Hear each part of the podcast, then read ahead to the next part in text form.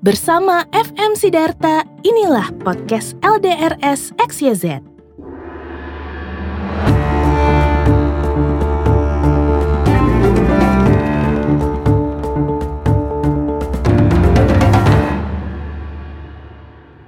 Sepertinya, perdebatan tentang haruskah Indonesia memasuki fase normal baru atau new normal atau tidak atau belum harus segera disudahi.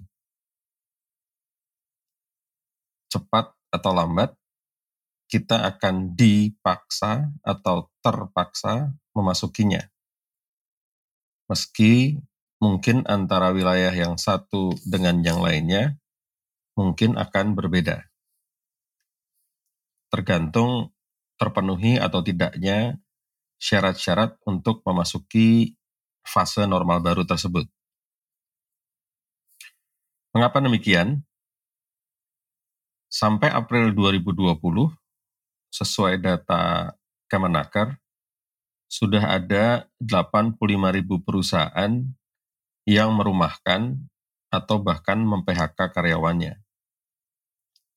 Ada 1,7 juta pekerja yang sudah di PHK.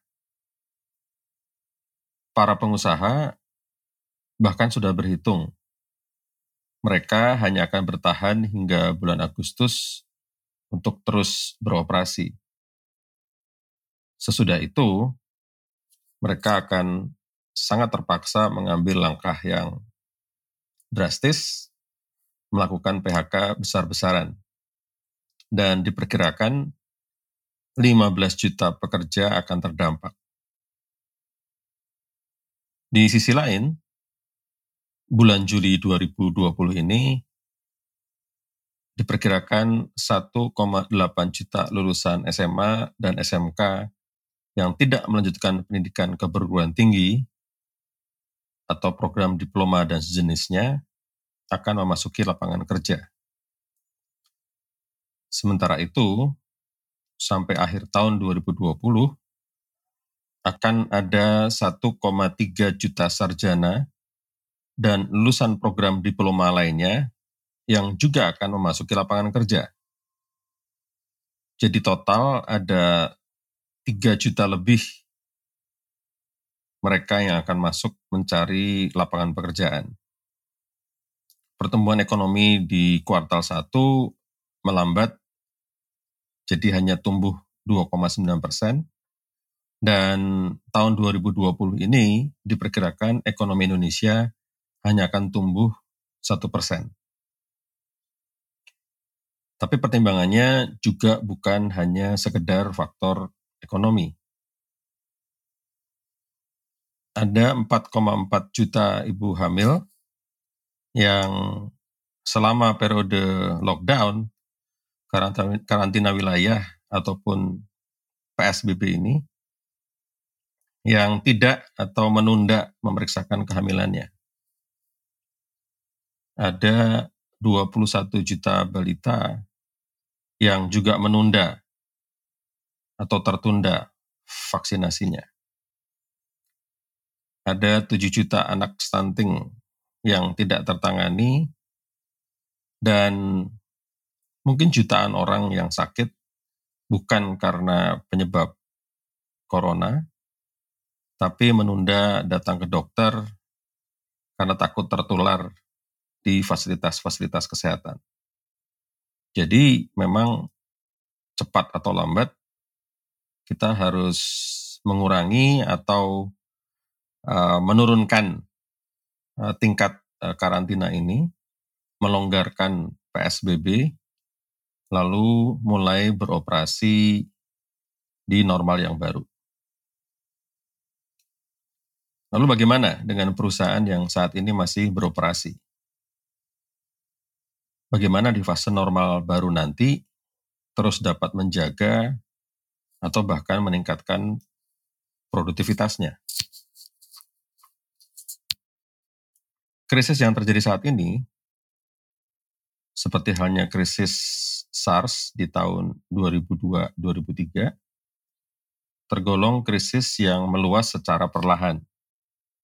Bukan lambat, tapi perlahan, sehingga dapat membuat para pemimpin terkena bias kenormalan atau normalcy bias.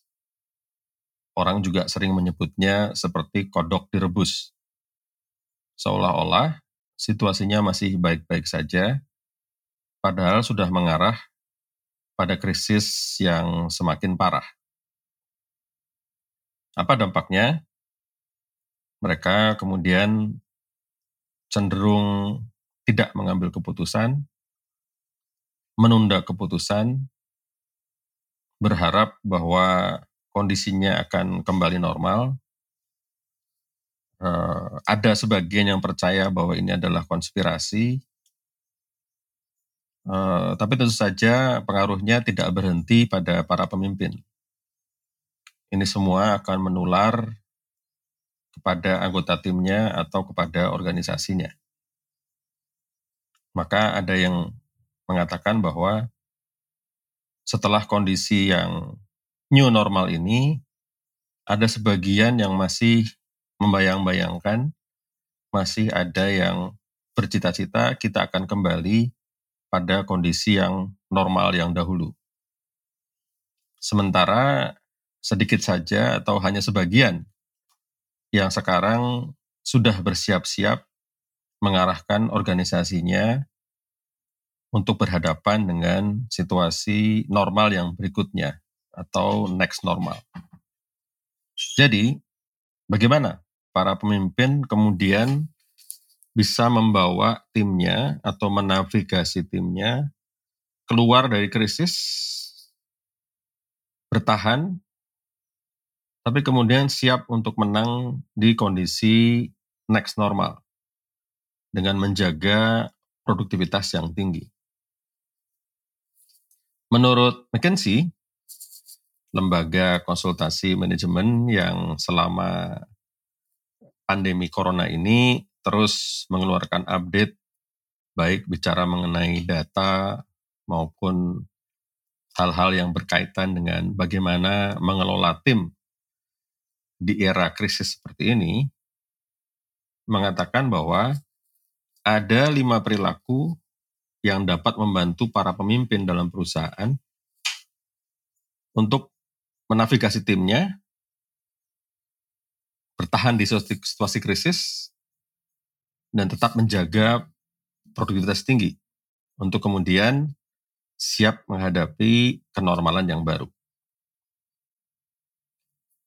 Kelima sikap itu adalah yang pertama, mengorganisir timnya untuk merespon krisis dengan membangun jaringan berbagai tim dalam organisasi.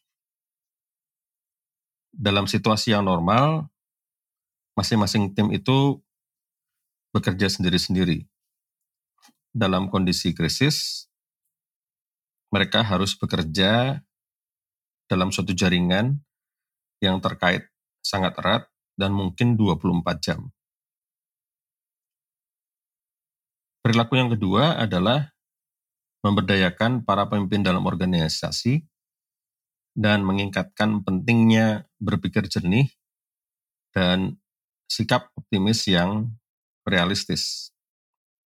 Ini bukan pekerjaan yang mudah bagi para pemimpin bisnis.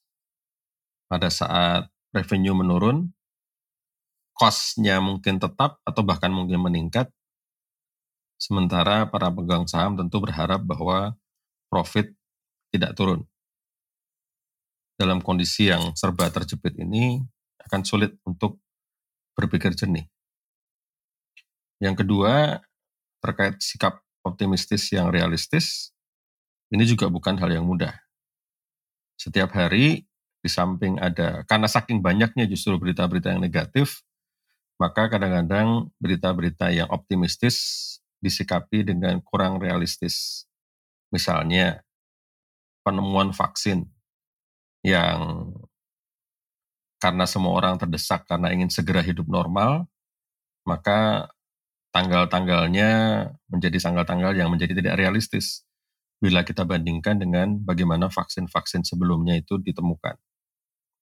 Ada yang berkata vaksin akan ditemukan dalam waktu satu tahun, satu setengah tahun, dua tahun, Padahal kenyataannya vaksin-vaksin yang ada rata-rata ditemukan lebih daripada 10 tahun. Belum lagi untuk memproduksi vaksin, vaksin harus diuji cobakan pada populasi yang memang sedang mengalami serbuan atau tingkat uh, positif atau bahkan mungkin kematian yang tinggi. Dan ini semakin sulit karena manusia juga terus belajar sehingga uh, tingkat orang yang terkena positif uh, corona ataupun populasi yang terkena corona juga angkanya semakin kecil. Berita terakhir mengatakan bahwa produsen vaksin di Cina pun harus pergi ke Inggris ya untuk bisa menemukan populasi yang memang bisa digunakan untuk uji coba. Jadi bukan ada yang mudah untuk berpikir jernih dan bersikap optimis yang realistis. Yang ketiga, mengambil keputusan di tengah ketidakpastian. Kembali lagi, ini juga bukan hal yang sulit karena untuk meraba apa yang terjadi ke depan itu sangat sulit. Banyak yang karena tidak memahami kondisinya saat ini dan tidak bisa memperkirakan ke depan akan seperti apa, kemudian memilih untuk tidak mengambil keputusan, menunda. Saya punya contoh, ada satu perusahaan yang sudah menyelesaikan satu program pengembangan manajernya dan seharusnya melakukan presentasi akhir di bulan April. Tapi karena mereka masih berharap bahwa situasi akan kembali normal, dan presentasi bisa dilakukan dengan face to face, mereka menunda itu selama dua bulan. Dari bulan April ditunda ke bulan Juni. Nah sekarang di bulan Juni mereka melihat kenyataan bahwa ternyata presentasi face to face tidak mungkin dilakukan. Akhirnya mereka menetapkan akhir bulan Juni untuk melakukan presentasi itu. Tapi kemudian ternyata timnya tidak siap, sehingga ditunda lagi menjadi bulan Juli. Jadi situasi yang penuh tidak pastian ini membuat para pemimpin kesulitan mengambil keputusan. Ada yang menunda, tapi yang lebih bahaya adalah kalau kemudian tidak mengambil keputusan. McKinsey menyarankan untuk para pemimpin mengambil jeda sejenak, ya, mengambil rehat sejenak, sambil menilai situasi dan mengantisipasi, baru kemudian bertindak. Yang keempat adalah menunjukkan empati dengan menempatkan penanganan tragedi kemanusiaan ini sebagai prioritas utama. Jadi diharapkan para pemimpin peduli pada apa yang dirasakan oleh anggota timnya. Tentu nomor satu dengan juga memahami apa yang dirasakan oleh dirinya sendiri. Yang kelima adalah berkomunikasi secara efektif dengan menjaga keterbukaan informasi dan memberikan update secara berkala kepada timnya sendiri. Dari situasi yang kita hadapi ini, pandemi ini memang benar-benar menguji para pemimpin perusahaan dan organisasi di segala sektor di seluruh dunia. Dampaknya akan dirasakan untuk jangka waktu yang lama dan menghadirkan kesulitan yang lebih besar daripada yang diantisipasi banyak orang ketidakpastian yang akan terus berlanjut ini makin menjadi alasan bagi para pemimpin untuk mempraktekkan kelima hal yang digambarkan tadi, yaitu mengorganisir tim untuk merespon krisis dengan membangun jaringan dalam organisasi. Yang kedua, memberdayakan para pemimpin dalam organisasi dengan mengingatkan pentingnya berpikir jernih dan bersikap optimis yang realistis. Yang ketiga, mengambil keputusan di tengah ketidakpastian dengan jeda sejenak untuk menilai situasi dan antisipasi, baru kemudian bertindak. Yang keempat, menunjukkan empati dengan menempatkan penanganan tragedi kemanusiaan ini sebagai prioritas utama. Dan yang kelima, berkomunikasi secara efektif dengan menjaga keterbukaan informasi dan memberikan update secara berkala. Mereka yang mempraktekkan hal-hal ini akan membantu organisasinya dalam menciptakan atau memperkuat perilaku dan nilai-nilai yang akan mendukung perusahaan atau organisasinya atau komunitas di mana mereka berada selama krisis ini berlangsung. Seberapa lama pun krisis ini berlangsung, sekaligus mempersiapkan mereka menghadapi tantangan berikutnya yang lebih besar. Podcast LDRS XYZ diproduksi oleh monkeymelody.com dan dipersembahkan oleh Kumara. Temukan informasi tentang board game, podcast, webinar, dan artikel tentang leadership dan followership melalui website ldrs.xyz.